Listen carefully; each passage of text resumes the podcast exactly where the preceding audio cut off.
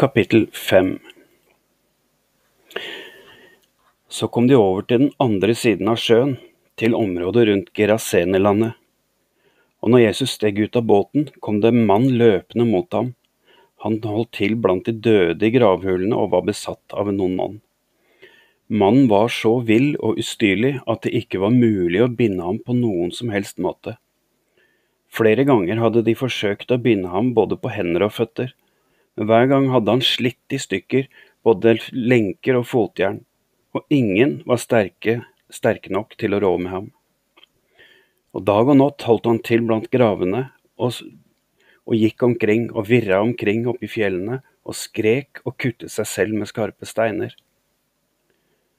Mannen hadde allerede fått øye på Jesus da han var langt borte, og nå kom han løpende ned, falt ned for Jesus. Og så roper han, Gå bort fra meg, Jesus, du er den høyeste Guds sønn, for Guds skyld, du må ikke pine meg, skrek han av all kraft. Og grunnen til at han skrek så fælt, var, var at Jesus like før hadde sagt, Far ut av mannen, du onde ånd. Og Jesus spurte ham og sier, Hva heter du? Og mannen svarer, Jeg heter Legion, for vi er mange. Gang på gang ba de onde åndene Jesus om at han ikke måtte jage dem bort ifra området. Og samtidig som dette skjedde, gikk en stor flokk med griser og rotet i jorda etter røtter på fjellskrenten nær sjøen. Og de onde åndene tigget og ba, send oss inn i grisene, så vi kan fare inn i de, da. Og det lot Jesus dem få lov til. Og da forlot de onde åndene mannen og for inn i grisene og hele flokken på omkring 2000 griser styrta utfor den bratte skråningen og drukna i sjøen. Og røkterne som passet på grisene, løp bort til den nærmeste byen og til byene rundt den og fortalte alt sammen. Og folket gikk av sted for å finne ut hva som hadde skjedd. Og når de kom til Jesus, fikk de se mannen som hadde, som hadde hatt de onde åndene. Han satt påkledd og fullt normalt.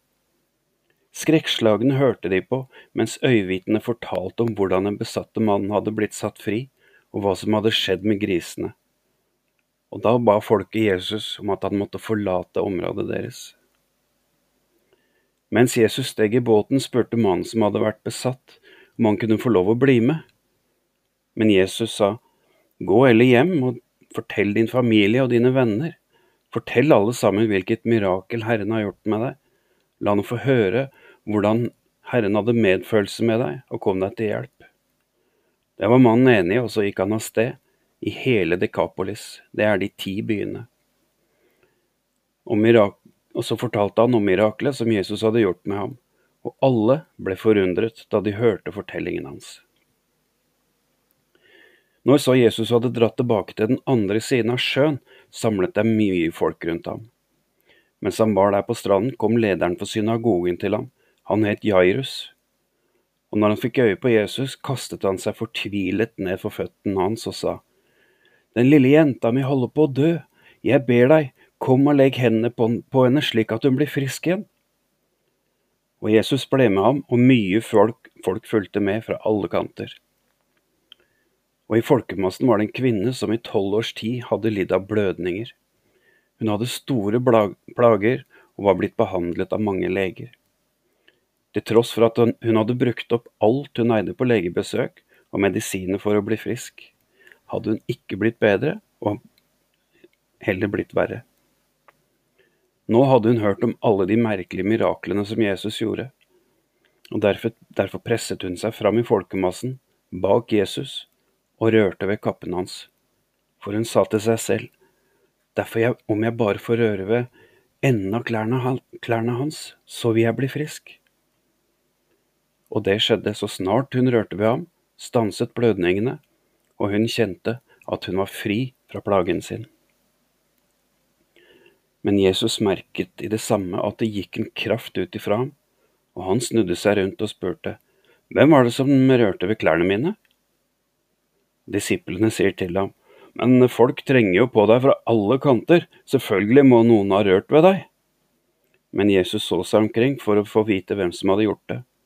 Da ble kvinnen redd, og ettersom hun visste hva som hadde skjedd med henne, kom hun skjelvende fram, falt ned for Jesus og fortalte hva som hadde skjedd. Da sa Jesus til henne, Min datter, troen din har hjelpa deg, gå i fred, du er satt fri fra lidelsen din. Mens Jesus fortsatt snakket med kvinnen, kom noen med beskjed fra hjemmet til Jairus og meldte fra til faren om at jenta di er død. Du trenger ikke å bry mesteren lenger.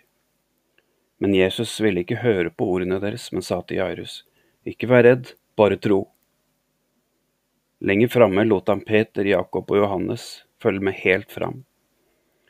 Da de kom fram til Jairus sitt hjem, så Jesus at, at huset var fullt av mennesker som høylytt gråt og klaga. Han gikk inn til dem og sa, Hvorfor gråter dere og er så opprørte? Jenta er ikke død, hun bare sover. Da begynte de å hånle mot ham. Men Jesus jaget alle sammen ut og tok med seg faren og moren inn.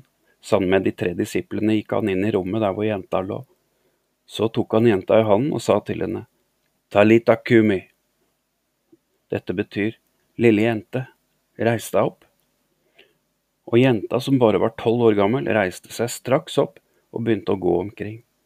Og foreldrene gned seg i øya av forskrekkelse. Og Jesus forbød dem å fortelle dette til noen. Etterpå ba han om at de måtte få gi jenta noe å spise.